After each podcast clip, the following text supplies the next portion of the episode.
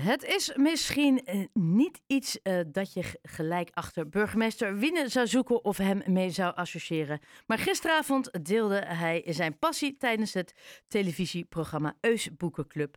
Buiten zijn drukke agenda om blijkt de burgervader een voorliefde te hebben voor Russische literatuur. Goedenavond, eh, burgemeester Wiene.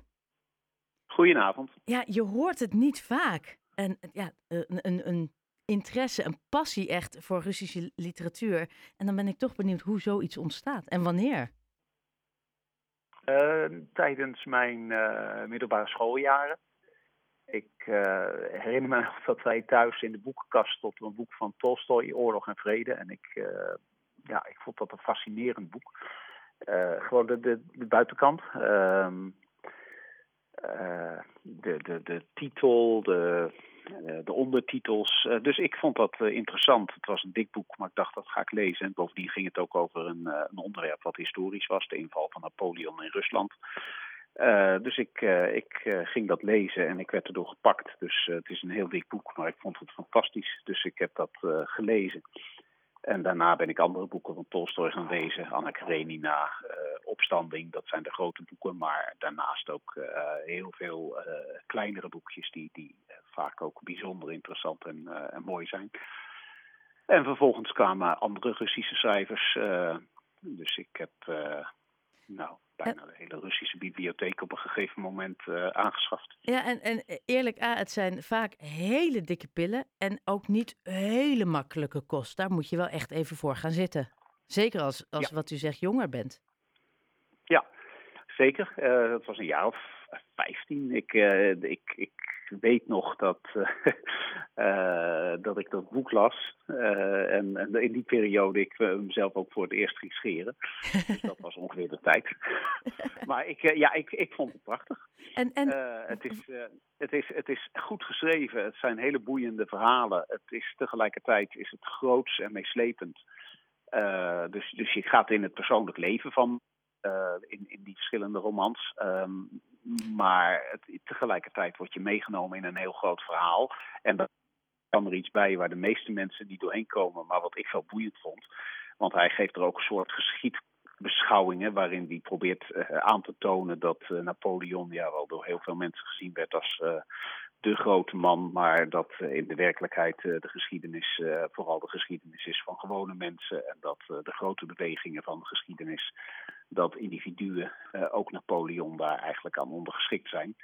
En tegenover Napoleon zit hij uh, de Russische generaal Kutuzov, die, ja, die niet veel anders doet dan iedere keer maar terugtrekken. En die uiteindelijk toch de grote overwinnaar is. maar goed, ik, ik vond, ook dat vond ik wel heel interessant. omdat je erover nadenkt van, is dat nou zo of is dat niet zo? Maar het is in ieder geval heel boeiend. En, en is, dat, is dit iets, hè, de aspecten die u nu noemt, is dat iets wat juist in de Russische literatuur naar, bu buiten, naar boven komt, meer dan in, uh, in bijvoorbeeld de Nederlandse literatuur?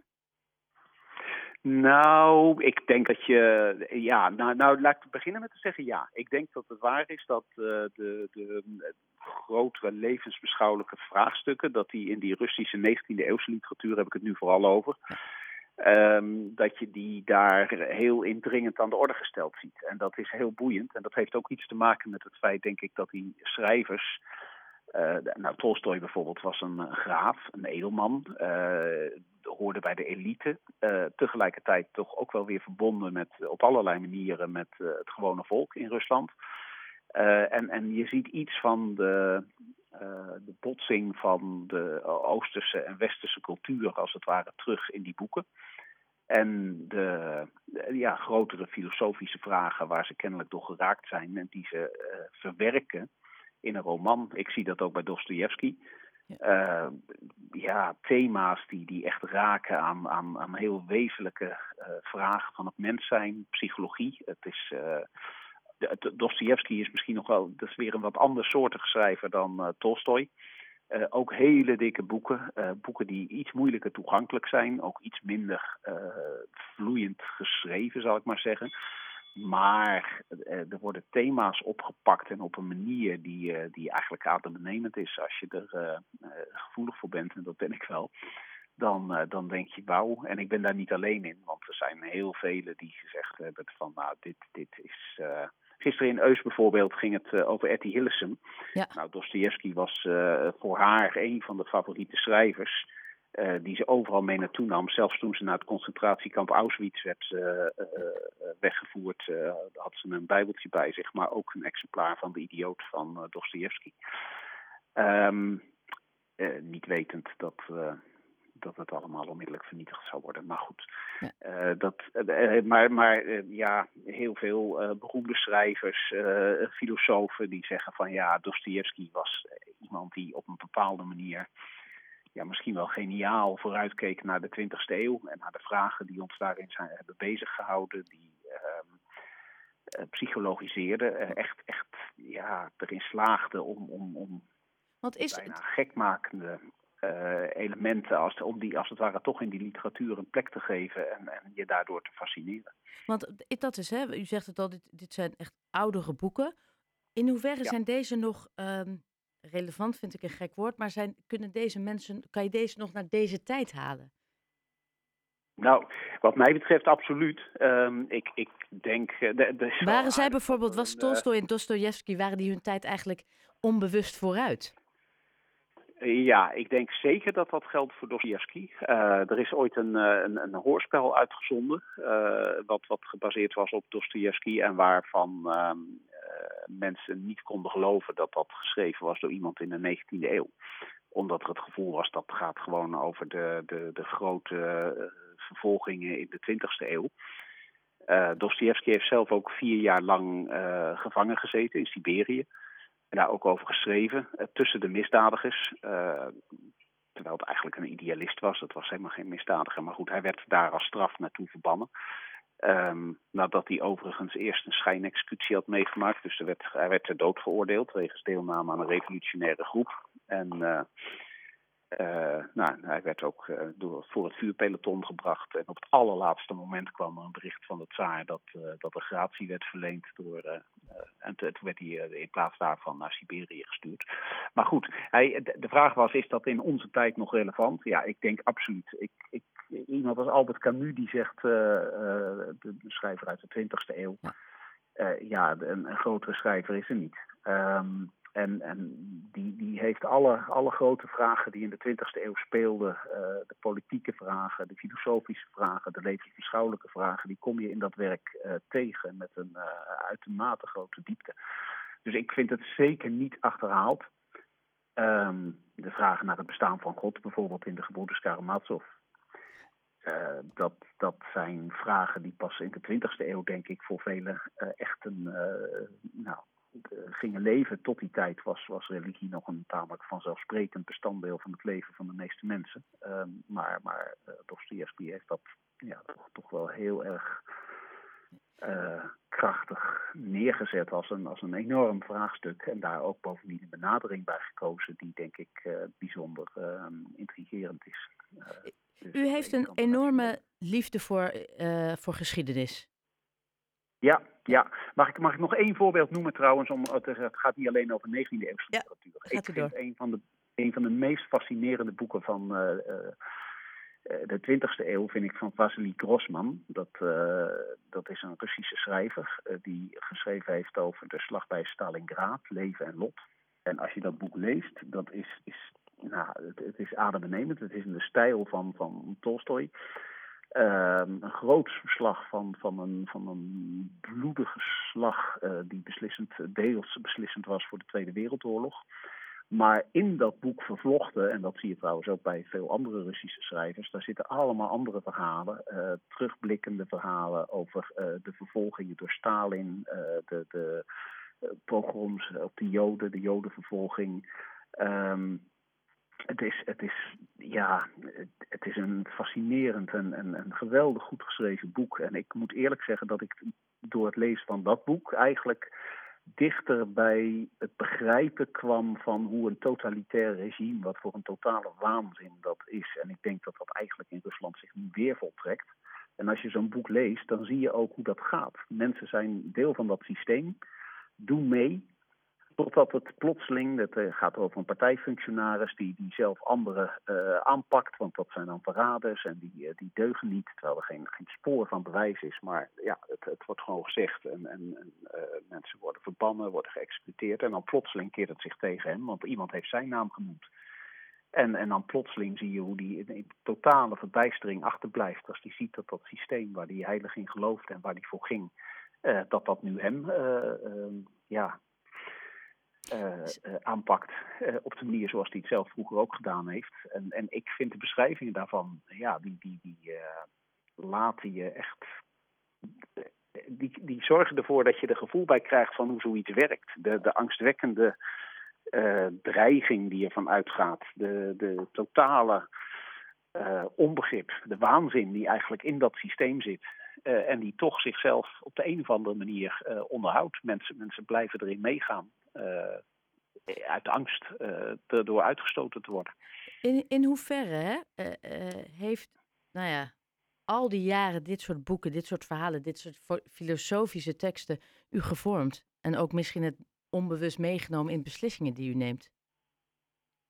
Nou, ik, ik, in de eerste plaats, uh, ik, ik ben gewoon een heel erg uh, veel lezer en vooral geschiedenis. Dus, dus uh, deze, deze boeken, die hebben mij voorliefde. Maar ik, ik lees gewoon heel, heel veel meer dan, dan Russische literatuur. Ook, literatuur uit Nederland, andere landen.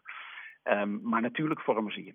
Um, en ook die Russische literatuur. Um, ik, ik vind het in zekere zin is het extra pijnlijk wat zich in onze tijd voltrekt om te zien hoe zo'n land weer uh, te gronden gericht wordt, hoe mensen uh, weer gemanipuleerd worden in, in een systeem waarvan je denkt hoe is het mogelijk en waarvan je vervolgens ook afvraagt van is er iets in, in de Russische geschiedenis, sommige mensen zeggen dan de Russische ziel, dat ze uh, bevattelijk maakt voor, voor dit soort waanzin. Ik bedoel, bijna de, de intelligentsia in Rusland, de mensen die gestudeerd hebben, die wat meer weten, die weten volgens mij ook dat, ze, dat, dat het volstrekte onzin is die ze uh, dagelijks voorgeschoteld krijgen. En toch uh, blijft het in stand. En, en de meeste mensen leggen zich erbij neer. Het is nou een keer zo. En, en daar moet je dan je plek in zoeken. Nou, en, en als je die boeken leest, krijg je daar toch op de een of andere manier meer gevoel bij. En dan realiseer je ook dat dat in grote delen van de wereld zo is. Ja. Um, hoe, hoe belangrijk en, en is tegelijkertijd, het? En, en er, is, er is nog één ander punt, en dat vind ik dan ook wel weer aardig. Want ik heb zelf ook te maken gehad met Russen uh, in de periode dat ik in de Raad van Europa actief was. En dan, uh, ik ben daar op monitoringbezoek geweest. Ik heb gesprekken met ze gehad. En dan had je soms het gevoel van dit zijn mensen, je kunt ze gewoon niet volgen. Ze zeggen met een stalen gezicht dingen waarvan ze volgens mij moeten weten dat het niet klopt. Um, wat is dit? En maar tegelijkertijd realiseer ik me dan ook van ja, dit is wel waar ook deze literatuur uh, geschreven is. En, en als je ziet hoe die dan schrijven over bijvoorbeeld gewoon uh, liefdesgeschiedenissen, maar ook, nou ja, een, een, huwelijk wat niet goed gaat, of, of, of juist een huwelijk wat heel erg uh, juist wel goed gaat. Um, het is, komt zo dichtbij en is zo goed geschreven dat je denkt van ja, dit zijn inderdaad mensen van vlees en bloed. En dat leert je ook af om, uh, om al te snel in, in uh, een volstrekt negatieve beschrijving van een cultuur te vervallen. Ik, uh, daar geloof ik ook helemaal niet in. Ik vind het groot, ik vind het heel bijzonder en tegelijkertijd zie je de angstwekkende aspecten aan, maar ook hele menselijke. Ik, ik, ik, zie, ik, ik heb inmiddels heb ik al bedacht dat we burgemeester Wieners boekenclubje hier kunnen doen, wekelijks te horen op Haarlem 105. Oh, dat zou geen probleem zijn, want... Ik wilde het net zeggen, u praat met ja. gemak... Uh, uh, nee, ja, het is heel duidelijk en heel mooi om te zien dat dat uw passie is. Dan is het nu de Boekenweek. Uh, we weten inmiddels allemaal dat het aantal kinderen wat leest steeds meer afneemt. Is dat iets wat u jammer vindt, juist omdat u weet hoe het u heeft gevormd? Ja, ik denk dat het echt heel erg jammer is. Want ik denk dat het ook, uh, als, je, als je het nieuws, uh, alleen al, uh, laat ik beginnen met dat punt. Het nieuws allemaal via, via hele korte berichtjes tot je neemt. Dan ontgaan je ook heel veel dingen die ook belangrijk zijn om te weten. Om het in zijn context te kunnen duiden, om het te begrijpen. Met name dat begrijpen. En dan, dan kom je veel sneller bij de clichébeelden. Um, ik vind dat een, nou, een nare ontwikkeling, als ik heel eerlijk ben. Ehm, en, en dan heb ik het alleen nog maar over nieuws. En als ik dan een stap verder ga en ik kijk naar de literatuur, dan denk ik, er gaat een wereld voor je open. Uh, nou is er wel iets voor in de plaats gekomen, wat ik trouwens ook een fascinerende wereld vind. Uh, die van de film, de cinema, de, uh, dat is een voor onze generatie, denk ik, of voor onze tijd in ieder geval, toegankelijker vorm van een verhaal vertellen. Dus, dus er is gelukkig ook wel iets voor in de plaats gekomen. Maar ik denk toch dat het, lezen van boeken en het je daardoor mee laten nemen en het erover nadenken. Het gaat langzamer, het duurt langer, je bent er langer mee bezig, je denkt er meer over na, denk ik. Een film gaat wat dat betreft heel erg snel, ben je ook sneller weer kwijt. Um, dat merk ik in ieder geval. Een boek wat ik lees, dat blijft veel langer heel scherp bij me hangen dan een film die ik gezien heb. Over het algemeen. Burger... Um, dus ja, ik vind het, ik vind het jammer. En ik, ik, ik, gelukkig zijn er ook mensen bij wie het wel nog steeds ook een, een, grote liefde is om, om het te lezen. Maar het worden er onmiskenbaar minder. Mm. En daar verliezen we wel iets mee, denk ik. Burgemeester Wiene, ik ga alvast het concept voor Jos Boekenclubje uitwerken. Waarom Eus Boekenclub als we ook Jos Boekenclub kunnen hebben. Um, heel erg bedankt voor uw uitleg en voor uw nou ja, hoorbare passie voor de Russische literatuur. Dank u wel. Nou, graag gedaan. Ja hoor, dag.